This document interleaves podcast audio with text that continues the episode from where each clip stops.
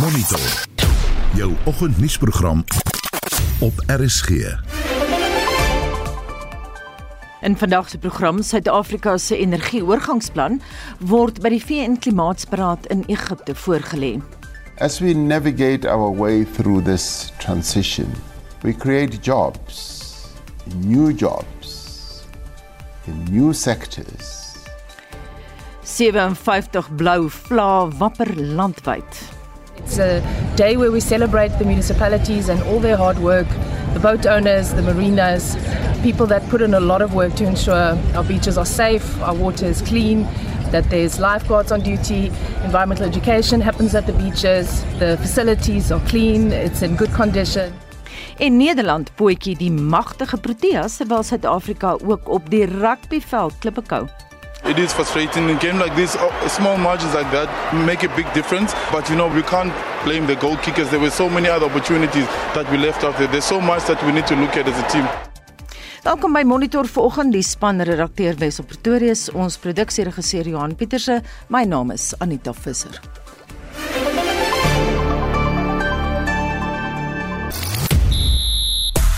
Goeiemôre. Suid-Afrika se Brad Binder ja gister in die tweede plek oor die eindstreep by die Valencia MotoGP in Spanje.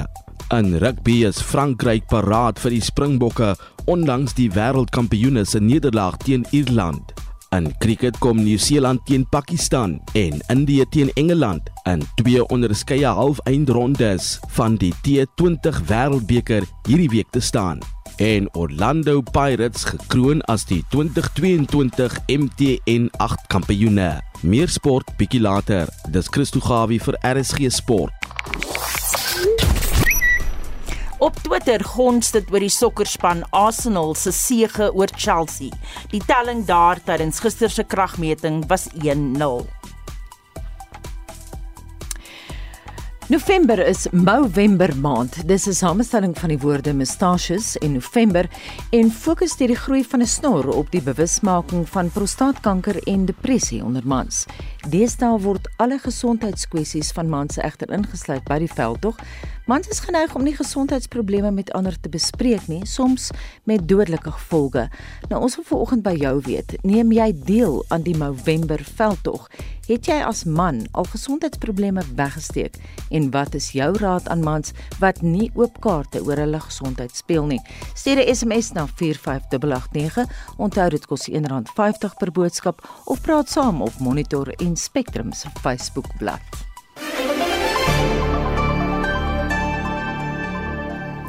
Die COP27 beraad het gister in Egipte begin. Hiermee probeer die Verenigde Nasies wêreldleiers en rolspelers sover kry om gesamentlik klimaatsverandering teen te staan. Klimatoloog glo die voortbestaan van die mensdom hang van die spesifieke beraad af. Mitsi van der Merwe het meer.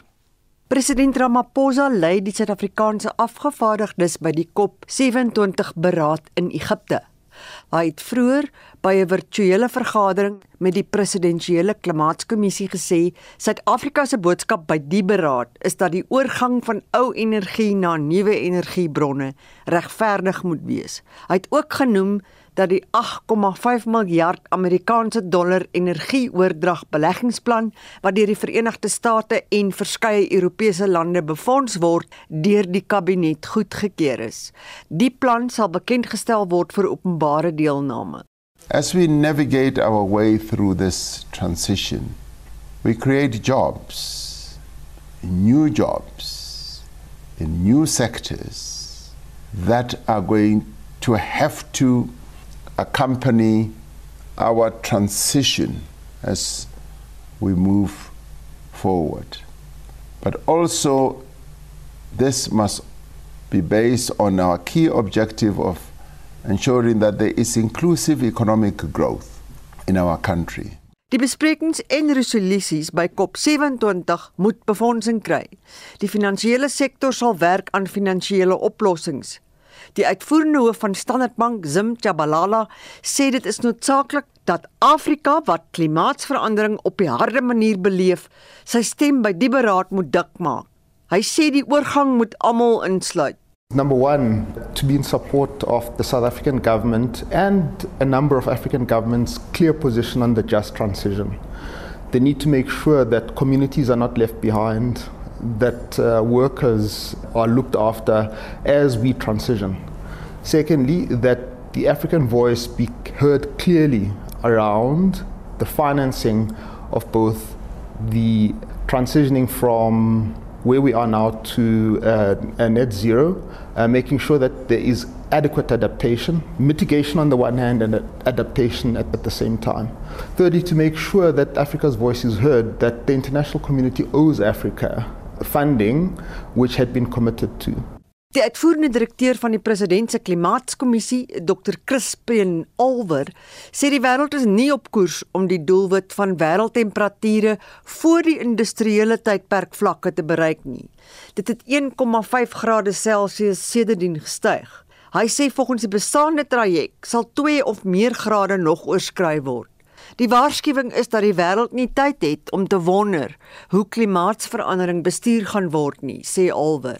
We've already warmed 1.1 degree, and you can see the way that the climate is, is, physically changing. We're having much more severe weather events. The floods in KZN were a classic example of the kind of flood disasters and extreme weather events that we're going to be facing. We're going to have heat and drought. You're already seeing a prolonged drought in the Southern Cape and in Nelson Mandela Bay. The Skoberg has been facing a day zero crisis this year. And these kinds of events are going to increase in frequency. 'n Prominente klimaatsaktivis het laat blyk dat die ontwikkelde lande nie die 100 miljard dollar 'n jaar soos beloof is sedert 2020 aan armer lande betaal het om aan te pas by die verandering in die klimaat nie.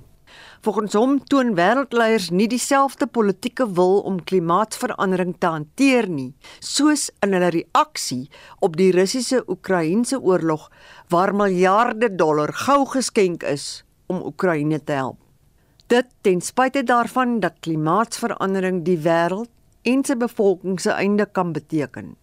Die klimaatsaktivis Kuminaidu deel sy mening.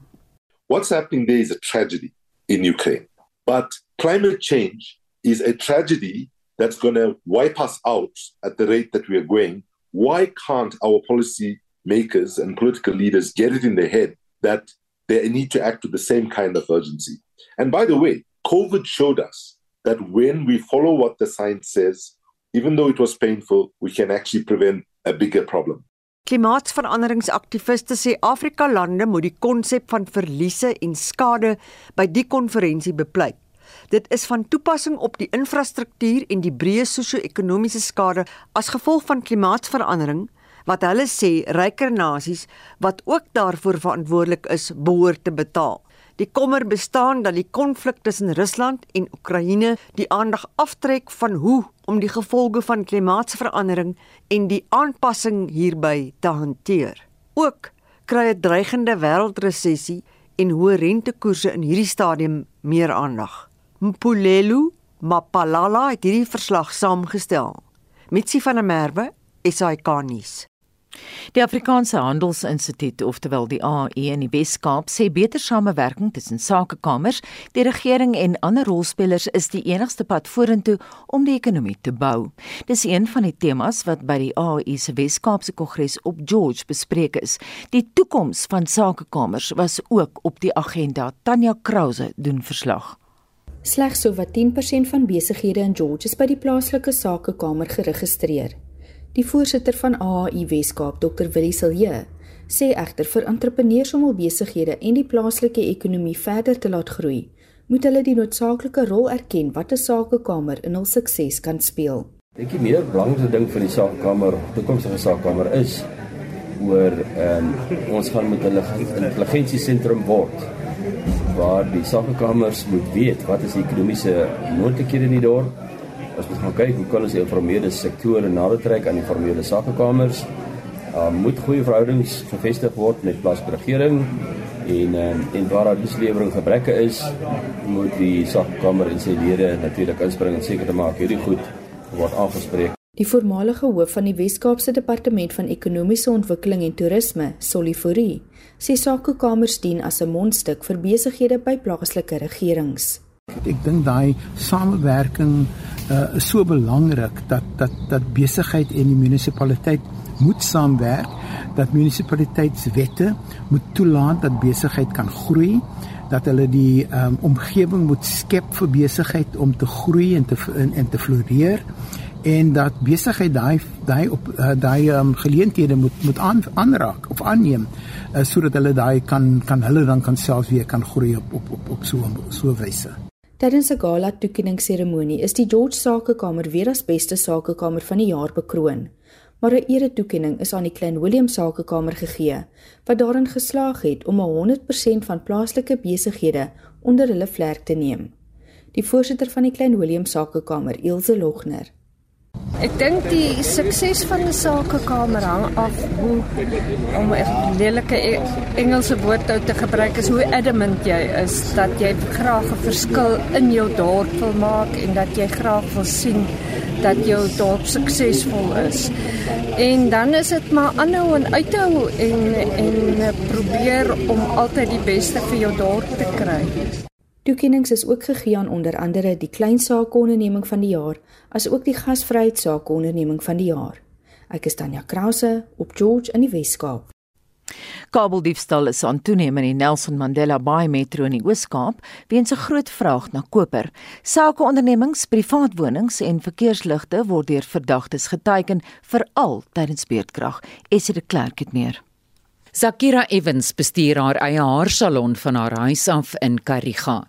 Die koperkabels by haar huis en sakeonderneming is gesteel wat haar en haar familie vir 3 weke lank in die duister gelaat het. Besigheid was moeilik. Ek moes na kliënte se huise gaan om net om besigheid te kan hang te hou want 'n hele maand is nogal lank vir besigheid om stil te staan is veral nou na Covid. Mm.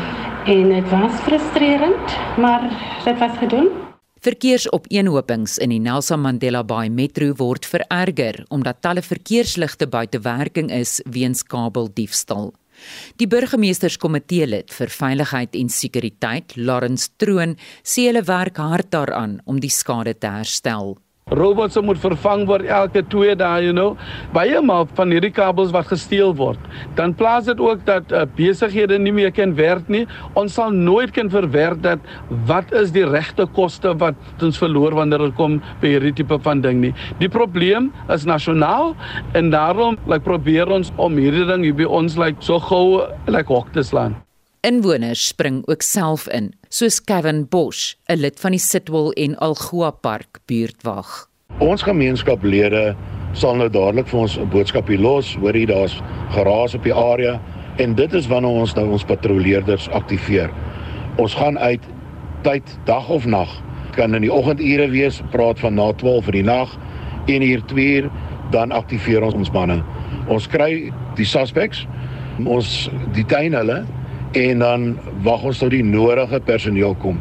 Dit is vir ons altyd makliker om ons sekuriteitsmaatskappye te nader, maar ons het ook 'n partnership met die security task team van die metro in die lyn van om crime te fight met hierdie infrastruktuur. Die polisie se generaal-majoor Vuyisilen Kangata sê tussen Julie en September is 40 gevalle van vandalisme aangemeld en 16 verdagtes is in hegtenis geneem. Here we know that when they steal the cables, they steal in order to sell. And what we have also increased are those compliance inspections at all those second-hand dealers, scrap metals, etc. Die regering het 'n beleidsvoorstel ingedien dat die uitvoer van skrootmetaal vir 'n tydperk van 6 maande verban moet word om registrasieprosesse in plek te stel om te verhoed dat syndikaate hulle buit kan verkoop.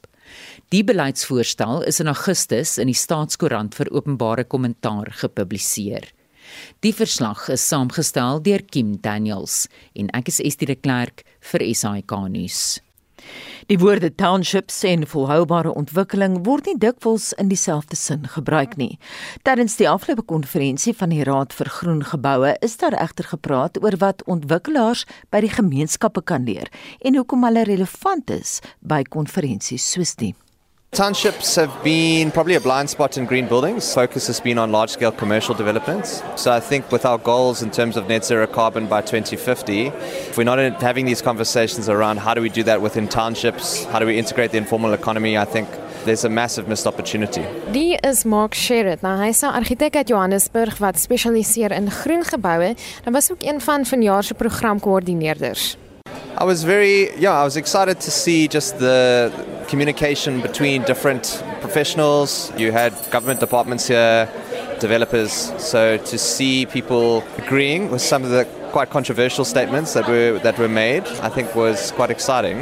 And hopefully, it's it's just about collaboration in the future, potential projects to see, you know, testing research and research outcomes on the ground with real projects is the next step. Treshen Govender is ook 'n argitek in Johannesburg en is een van die skrywers van die boek Township Economy: People, Spaces and Practices. Hy was aanvanklik verbaas dat die sektor bespreek word by die konferensie wat op die oog af meer op die welvarende sektor gerig is. My experience of the way the sustainability conversations have been happening in South Africa is one that has tracked privilege. The township, as a site that speaks to the majority world within South Africa, has often been ignored in it. And the fact that the township and its kind of conversation is being brought into a sustainability conversation is talking of the maturing of the sustainability discourse in South Africa.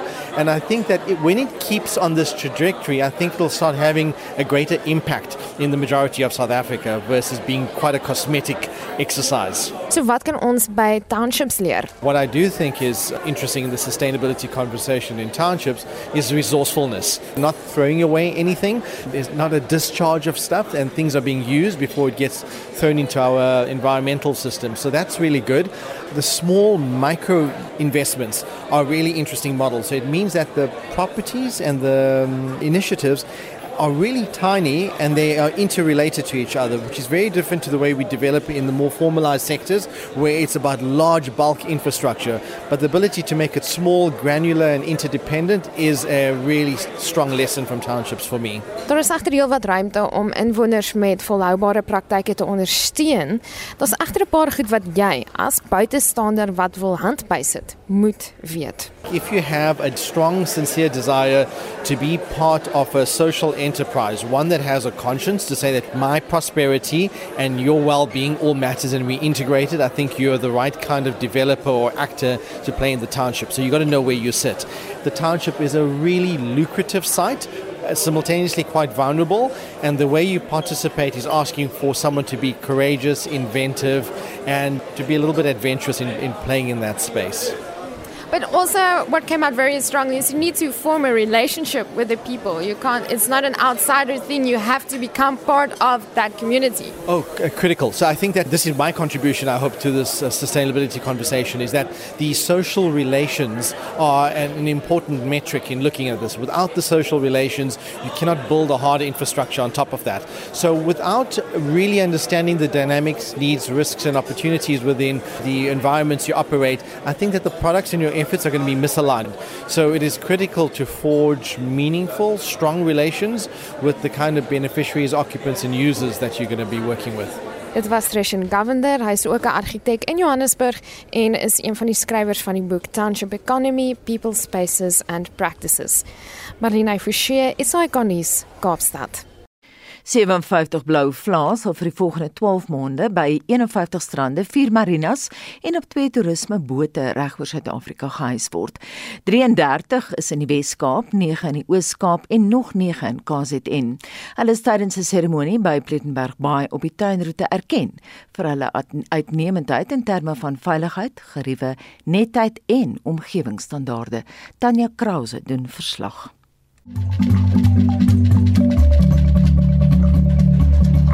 Die ikoniese blou vlag is die wêreld se mees erkende vrywillige eko-etiket wat aan strande, marinas en toerisme-operateurs toegeken word. In Suid-Afrika wapper blou vlae sedert 2001 in 18 kusmunisipaliteite.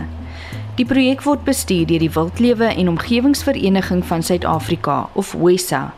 Uitvoerende hoof van WESA, Helena Atkinson, sê Suid-Afrika is een van 48 lande wat hierdie internasionaal erkende status uitreik.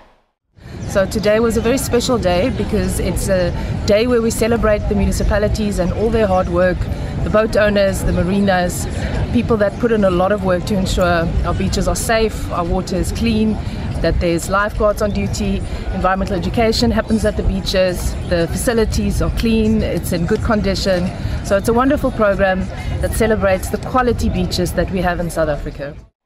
Die geleentheid is vir die eerste keer op Plettenberg Baai aangebied. Uitvoerende hoof van Plet Toerisme, Patty Butterworth, sê hulle is trots om weer eens hul blou vlaat te kan wapper.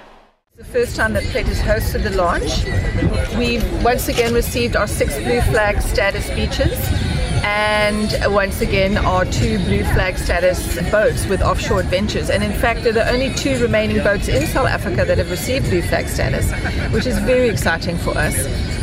The focus with WESA on the blue flag beaches is not only with community involvement and working with municipalities, but it's also about um, nature and conservation and preservation. Burgemeester van Bito, Dave Swart, sê hulle werk hard om te verseker dat hul strande omgewingsvriendelik, skoon en veilig bly. Flit is continuously doing what it set out to do. Uh, the blue flag status shows that we're looking after our environment and we're taking care of our, of our area and we're making our visitors and our locals' experiences at the beaches a pleasant one. So it, it shows that the fact that we're getting it the same status is awarded to the same beaches year after year, we're actually doing what we say we're going to do. Drie strande het ook sertifikate ontvang vir die toekenning van blou vlag status vir 10 agtereenvolgende jare. Preekstoele Nesekwa, De Bakke in Mosselbaai en Koningsstrand in Nelson Mandela Baai. Ek is Tanya Krause op Plettenberg Baai. Jy luister na Monitor. Elke weekoggend tussen 6 en 7. Dis nou 6:30 en in die nuus president Cyril Ramaphosa dien sy voorlegging oor Palapala in. Fase 2 beerkrag tref middag om 4uur weer in werking en die jong Deen sorg vir 'n opskudding op die tennisbane in Parys.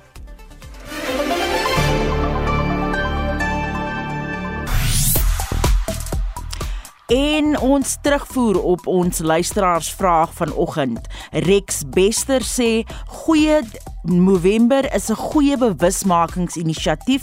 Gereelde mediese ondersoeke moet hiermee gepaard gaan. Johan Pretoria sê daai spreekwoord oud oud word is nie vir sissies nie, is so waar. En so onverwags kom 'n kwaal op jou pad en dan is jy op kroniese medikasie en jy besef dat jou lewenstyl oornag verander het. Jannie van die kerk sê ek groei nie snor of baard nie, want hare op my gesig irriteer my. Ek skeer wel my hare kort ter ondersteuning vir kanker. Verder sorg ek dat ek fiks bly om gesond te kan wees.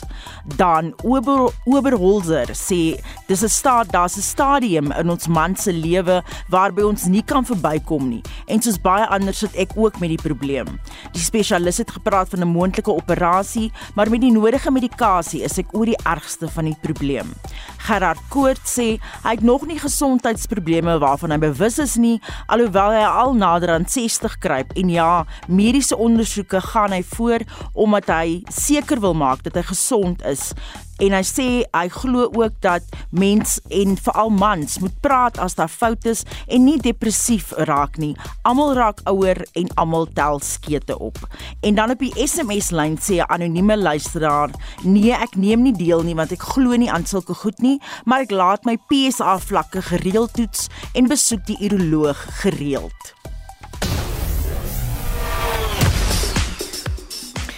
En ons praat nou sportsake met Christo Gawe. Goeiemôre. Goeiemôre Anita, goeiemôre Suid-Afrika. 'n Nuwe Moto GP kampioen is gister gekroon in Spanje.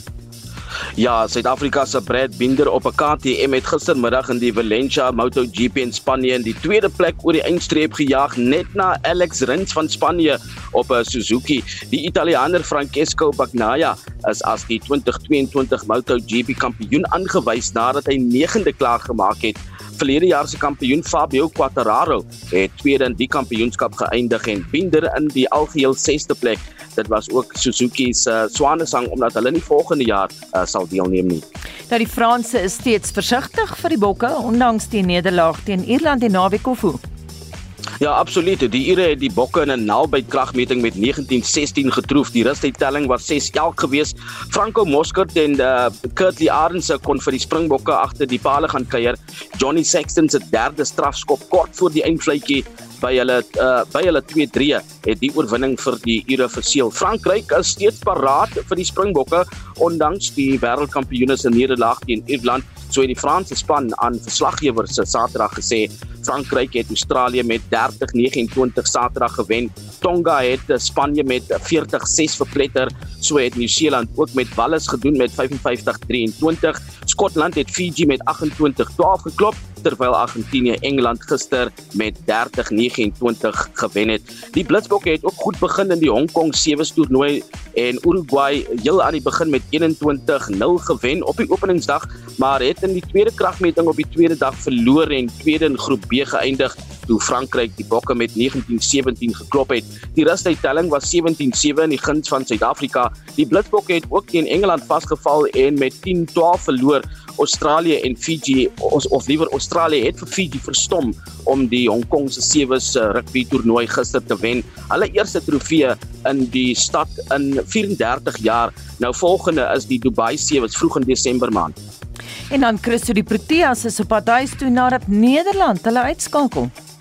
Absoluut, uh, inderdaad, Nederland het die Proteas in hulle beslissende T20 Wêreldbeker wedstryd in Adelaide uh, in Australië met 13 lopies geklop. Indien Suid-Afrika sou wen, sou hy teen Indië in 'n halfeindstryd wedstryd gespeel het. Suid-Afrika se kaptein Themba Bavuma het die lood gewen en Nederland ingestuur om eers te kolf. Die het 258 vir 4 aangeteken en dan die Proteas die taak gestel van 159 vir 'n oorwinning. Suid-Afrika kon net 145 vir 8 in hulle toegelate 20 beurte aanteken. Riley Rousseau het met 25 het die die hoogste uh telling vir die Proteas het hy aangeteken. Nieu-Seeland, die kom Woensdagoggend in die eerste halfeindronde teen Pakistan te staan terwyl Indië en Engeland mekaar die stryd aansê op Donderdagoggend. En dan Orlando Pirates is die MTN 8 kampioen. Ja, Pirates het Saterdag aand 'n harde oorwinning van 1-0 oor AmaZulu behaal om die 2022 MTN 8 eindstryd in die Moses Mabhida Stadion in Durban vir die 11de keer te wen. Dit danksy eerste helfte doel van uh, Monapule Saleng. Nou Pirates het volgehou met aanvallende druk en is uiteindelik in die 25ste minuut beloon toe Saleng direk vanaf 'n vryskop die bal tot agter in die net te jaag. Die twee spanne is albei betrokke by die Carling Black Label beker komende naweek in die FNB stadion met AmaZulu wat Mamelodi Sundowns in die eerste halfeindstryd die stryd aansê en Pirates wat Kaizer Chiefs in die tweede halfeindstryd aanpak. En nog sokker Arsenal het Chelsea gister met 1-0 geklop en tot boaan die punte leer geskuif. Liverpool het met 2-1 oorwinning oor Tottenham uh, geseëvier. Manchester United is met 3-1 weggeblaas deur 'n geïnspireerde Aston Villa terwyl Newcastle tot 'n derde plek opgeskuif het met 'n 4-1 sege oor Southampton. En dit was Christo Gawie van RSG Sport. Vir wêreldnuus sluit Essie nou by ons aan en ons begin in Oekraïne waar die burgemeester van Kiev, Vitali Klitschko, inwoners aangeraai het om die stad te verlaat indien daar 'n totale verlies aan elektrisiteit is. Estie Is reg Anita, oor die afgelope paar weke is miljoene burgers van Oekraïne vir kort periodes blootgestel aan krag- en wateronderbrekings omdat Russiese lugaanvalle belangrike infrastruktuur teiken. Nou byna 40% van Oekraïne se kragbronne is deur Russiese aanvalle geteiken en president Volodymyr Zelensky het gewaarsku dat die Russe moontlik nog aanvalle op infrastruktuur beplan. Nou dit is in teenstelling met die Geneva Konvensie wat humanitêre standaarde in tye van oorlog uiteensit en bepaal dat geen burgerlike voorwerpe aangeval mag word nie. Intussen is daar ook bepaal dat daar in die stad Mariupol meer mense dood is as in enige ander stad sedert die Tweede Wêreldoorlog. En nou beweeg ons na die VN se COP27 eh, klimaatsberaad waar meer as 120 wêreldleiers byeen is vir die beraad in Egipte en daar is 'n waarskuwing dat ons planeet 'n noodsein uitstuur. Dis reg Anita, uiterste temperature, veldbrande, vloede en droogte het alles oor die afgelope 8 jaar toegeneem en dit is volgens 'n verslag van die VN se Wêreldmeteorologiese Organisasie. Hier is die sekretaris-generaal van die VN, Antonio Guterres. The last 8 years have been the warmest on record, making every heat wave more intense and life-threatening, especially for vulnerable populations. Sea levels are rising at twice the speed of the 90s. posing an existential threat for low lying island states and threatening billions of people in coastal regions. En hier is die president van COP26, Alok Sharma. Whilst I do understand that leaders around the world have faced competing priorities this year, we must be clear. As challenging as our current moment is, inaction is myopic and can only defer climate catastrophe. Nou ewige debatte word by die beraad oor die volgende 2 weke verwag en Egipte sê die ryk wêreld moet gestand doen aan hulle beloftes om geld te belê in ontwikkelende lande om koolstof te kan besnoei en by die veranderende klimaat te kan aanpas en om lande te help wat deur byvoorbeeld vloede geraak word. Nou met die oorlog wat in Oekraïne pryse opgejaag het, heers daar vrees dat dat lande sal sê hulle het nie meer geld om te gee nie. Hier is 'n klimaataktivis Vanessa Nakate. Many times we've been given commitments and promises, but we haven't been action, you know, we haven't been given action. And of course, a promise that is broken, it kind of destroys the trust that, you know, we have in our leaders. Die president van COP27, Egipte se minister van buitelandse sake, Sameh Shoukry, het leiers versoek om nie toe te laat dat voedsel- en energiekrisisse wat met die oorlog in Oekraïne verband hou, dat dit in die pad sal staan van optrede teen klimaatsverandering nie. En die beraad duur vir die volgende 2 weke voort. En dit was kollega ST met 'n oorsig van vandag se wêreldnuus gebeure. Terugtuis in Suid-Afrika, die premier van Gauteng, Lesofie Panjasa, het aangekondig dat die provinsie se gevraagde etolstelsel na verwagting net tot die einde van die jaar operasioneel sal wees.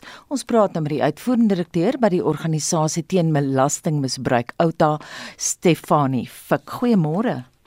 Goeiemôre Anita. Stefanie, ek het al hieroor met jou gepraat oor die jare. Jy beywer jou al baie lank vir die afskaffing van die stelsel en nou bring politici dit so stuk stuk tot stilstaan. Dis 'n groot oorwinning vir Alta. Dit is 'n groot oorwinning, maar nie net vir ons nie, dit vir elke liewe motoris wat opgestaan het en gesê het, maar ons gaan nie betaal vir hierdie skema nie. Hulle kan hulle almal self op die op die rug klop en sê ek dink saam het ons die regering laat laat besef dat uh, uiteindelik dat 17% se aankomingssyfer nie die moeite werd is nie. So jy is nie verbaas hieroor nie? Nee, die die skema het so gehinkepink hinkepink en ek dink in die laaste tyd was hy in elk geval ehm um, ehm um, dit die hy glad nie gewerk nie. En vir eintlik dit is tragies om te dink dat dat die premier nog steeds gesê het mense moet maar betaal tot aan die einde van die van die jaar 17% nakomingssyfer beteken eintlik niks. Dat nie veel mense betaal in elk geval nie. Dit is baie interessant want dieselfde het byvoorbeeld in Portugal gebeur, maar uh, Gauteng gaan nou 30% van die skuld van net meer as 43 miljard rand oorneem en nou dink jy gaan die provinsie dit bekostig? Hulle moet maar hulle moet maar 'n um, 'n plan maak. Ek dink Lesofie het na verskeie ehm um, planne verwys wat wat goeie nuus is dat hy wel gesê het dat hy sal hy sal konsulteer want een van die grootste probleme was dat hulle nooit gekonsulteer het met hierdie etelskema nie en dis hoekom hy ge, gefaal het. Ons probleem net is Ek moet onthou dat ek dink Gauteng provinsie kry omtrent 95% van sy geld in elk geval by by tesourie. So dit beteken die geld word in elk geval uit uit die uit die fiskus uitbetaal. Waar ons baie bekommerd is, is hierdie eers 47 en toe 45 miljard en nou se 43 miljard. Ons vra vir Sandra om asseblief deursigtig te wees met hulle syfers. Want ons is van mening dat dat hierdie syfers te hoog is. En kom ek sê gou vinnig vir jou hoekom ons so sê. Mm -hmm. die kapitale koste wat Sandra aangedui het in 2012 was om en by vir die, vir, vir hierdie opgradering van die GFIP dit waaroor ons nou ETOS waaroor ons praat was so om en by 20.6 miljard. Die langtermynbond wat hulle wat hulle wat hulle getoon het was so 28.4 miljard Nou ehm um, as as en on, on ons weet hulle het reeds 22,4 miljard rand by tesourie gekry. Waar dis aarde kom hulle aan die 43 miljard rand. Dit klink vir ons asof dit Sanral se totale ehm um, skuld is. En dit is darem nie regverdig nie. As jy gaan uitwerk, as jy sê jy vat 20 miljard rand en ehm um, Sanral moes 10% rente daar betaal het en dit glad nie betaal oor al hierdie jare nie. Kom ons maar by 33 miljard rand uit. Miljard rand uit. So iewers is daar iets nie lekker nie. Aan wie gaan die padnetwerk dan behoort? Want dit gaan vir hulle moeilik wees, dis 'n nasionale pad. Uh, ek dink Sanral is verantwoordelik vir die vir die opgradering van daai pad. En as mens mooi daaraan dink, miskien moet dit die premier teruggaan na die na die na die na die tafel toe en sê, hoekom moet Gauteng in elk geval 30% betaal? Ons is die ekonomiese hart van die land. Ons het die minste paaie en kan ek net dit ook sê. Ek meen jy praat hier van 1% van Sanral se totale padoppervlakte. Ons is die enigste provinsie wat soort van nou gestraf is met hierdie ehm um, etolstelsel. Al ander paaie wat Sanral relatief goed ehm um, onderhou, word onderhou met die fiskus. So hoekom ehm um, kan daar nie antwoorde gevind word in die fiskus nie. Hulle wou nie ehm um, gaan kyk na die korrupsie nie. Dit is ehm um, hierdie paai het ons baie meer gekos as wat dit moet. So die antwoord lê iewers by kom ons gaan kyk na ons uitgawes en kyk of ons kan uh, betaal vir dit wat ons moet betaal nie. Stefanie net laasens die Gauteng regering hoop nou om die etol infrastruktuur, die oorhoofse struktuur vir veiligheidsmaatreëls te gebruik. Wat dink jy daarvan? dis so dis is dis is dis 'n goeie uh, dis 'n goeie idee. Ek dink daar is reeds veiligheidsmaatreëls, ehm um, kameras ensovoorts. Maar as hulle hierdie as hulle daai wit olifante kan gebruik vir iets en dit is nie totaal en al 'n uh, 'n uh, 'n uh, waste vir vir vir vir motoriste nie, is dit baie baie baie bly. Ehm um, ehm um, ons weet net, ek dink elke keer as mens as as, as wel, ek kan net vir myself vra, elke keer as ek onder deur een van daai gadgets ry, hmm. dan dink ek net hoeveel dit ons gekos het, onnodiglik so. Maar as hulle 'n uh, uh, uitweg kan kry vir vir vir, vir die goed, dan kan mens net bly wees. Baie dankie sê aldag dat die man en vrou op straat 'n oorwinning het nie dit dan Stefanie Fik sy is uitvoerende direkteur verantwoordbaarheid by die organisasie teen belastingmisbruik Alta. Agt uit elke 10 Suid-Afrikaners maak gebruik van tradisionele dokters om hulle daaglikse kwale en skete te behandel. Daar is tans sowat 400 000 tradisionele geneesere in die land en daar word nou gevra om hulle te betrek by die amptelike geneeskunde. 'n Innovasiespesialis by die Innovation Hub in Gauteng, Dr. Putichelopo Mgobozi, sê verskillende kulture se mediese praktyke is onlosmaaklik deel van ons geskiedenis en moet die erkenning kry wat hulle verdien. So currently, if I give you the statistics, it's approximately 60% of the population that rely on traditional medicines rather than the more than the Western medicine. And these are mostly people situated in the rural and also some of the people in the urban areas that have uncovered the power of this traditional medicine and they know what it can provide for them versus what the Western medicine does. They play a very significant role that's very highly underrated on, on the economic development and it's not as official as it should be. Shelope Mogabasi sê tradisionele geneesere en wat hulle doen word heeltemal verkeerd geïnterpreteer. The main reason is mostly because of lack of knowledge, if I may say, for most people of understanding what it does. What happens is currently we're growing in a in an environment where I didn't understand. I was given Panado when something needed to happen, but there is someone out there who lived and never used the Panado because it's another way of dealing with a certain their headache or any other ailments that they may have. It has been providing health for South Africans over the centuries before we were introduced to the Western medicine. So the reason why it's not also well known is also because of this stigmatization that normally happens and people look at traditional medicine as some sort of witchcraft without understanding of the significance that it actually does play because it looks at a holistic well-being of a person rather than just looking at one aspect of a person's ailment. Sy sê die pandemie het mense se oë oopgemaak vir tradisionele mediese praktyke en dit is om die rede dat die Innovation Hub nou 'n spesiale navorsingsprojek gaan begin om die praktyke na te vors. if you don't know the potential of what a plant does, then you lack the knowledge. So we're trying to uncover that there's so much wisdom. And South Africa is very rich with biodiversity. And how we come with that is that even just to try to define what indigenous knowledge systems are. And these are, it's just a whole sum total of knowledge and skills and practices and theories and beliefs that have been practiced over the years under a certain cultural group. And it's very indigenous to that and can be used for prevention if it's indigenous knowledge system. We normally define it as IKS. So for medicine, we'll say indigenous, indigenous knowledge system based medicine. So they can be used for diagnosis, even improvement of both physical and, men- and mental health. What we are doing is not actually research. There are institutions such as the Council for Science and Industrial Research, which is the CSRR, and other institutions and universities that do research on these plants to see what they have, and they can assist traditional healers. The Innovation Hub comes in where we train and we empower and equip these knowledge holders with entrepreneurship skills. So then we understand that if you integrate that indigenous knowledge, which is the indigenous wisdom, with the business practices, it can lead to people having robust businesses on what products they have because they could serve the community more better. En so sê Dr. Puti Chilopo Mgobosi, 'n spesialis van die Innovation Hub, en Susan Paxton het met haar gesels. Die Vereniging van Mond- en Voetskilders was die gasheer vir 'n kunsuitstalling by die Carpe Diem skool op George om verlore inkomste weens die COVID-pandemie te probeer verhaal. Die organisasie het 26 kunstenaars in die land onder sy vlerk wat weens gestremdheid nie met hulle hande kan skep nie. Tanya Krause doen weer verslag. Die meeste van die kunstenaars is verlam tydens 'n motor of ander tipe ongeluk. Maar in plaas daarvan om in sak en as te wees weens hulle verlies, het hulle 'n vaardigheid aangeleer om hulle meesterstukke met hul monde te skep. Brenton Swarts van Kaapstad sê weens sy gestremdheid kon hy nie werk kry nie, maar kan nou sy talente as 'n kunstenaar uitleef.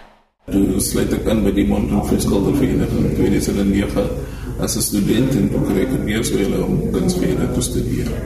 Dit is uh, dit is eintlik dat mense maar moet gewoon raak. Dit is mense nou begin vir 'n kind leer skryf en jy maak jou sirkeltjies en driehoekies en vierkante en so maar is ja die manier dis hoe ons begin het uh, met tyd te 'n uh, soort van natuur.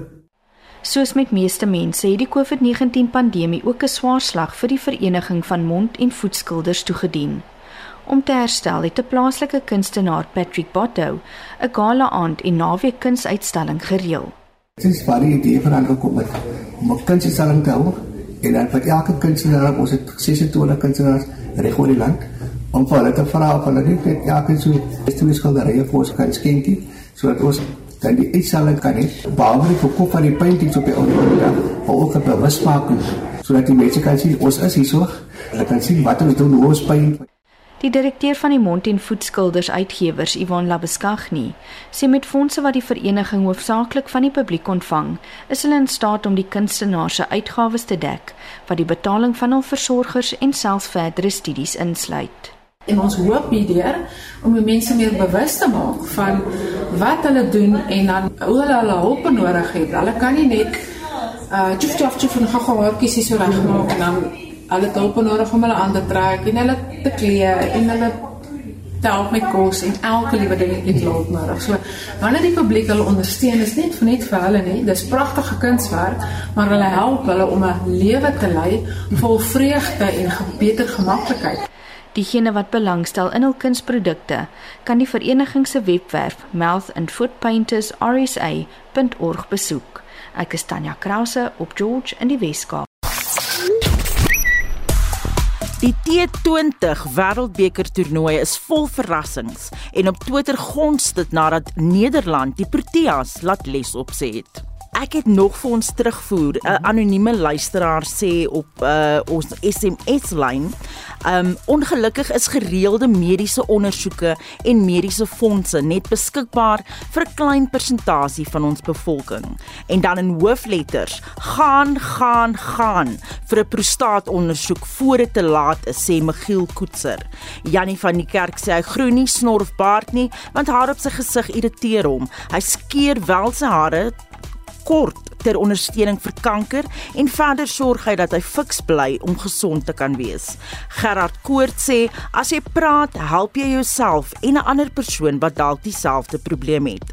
Jy kan nog op ons luisteraarsvraag antwoord deur na ons Facebookblad toe te gaan of 'n SMS te stuur na 45889. Ons luister graag en deel jou mening.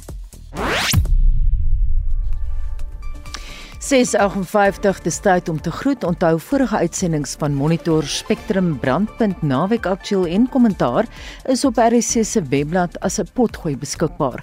Gaan na www.rc.co.za en daarmee groet ons namens ons uitvoerende regisseur Nicoline de Wee, die man in die warm stoel vanoggend, Wesel Pretoria, ons produksieregisseur Johan Pieterse en my naam is Anita Visser.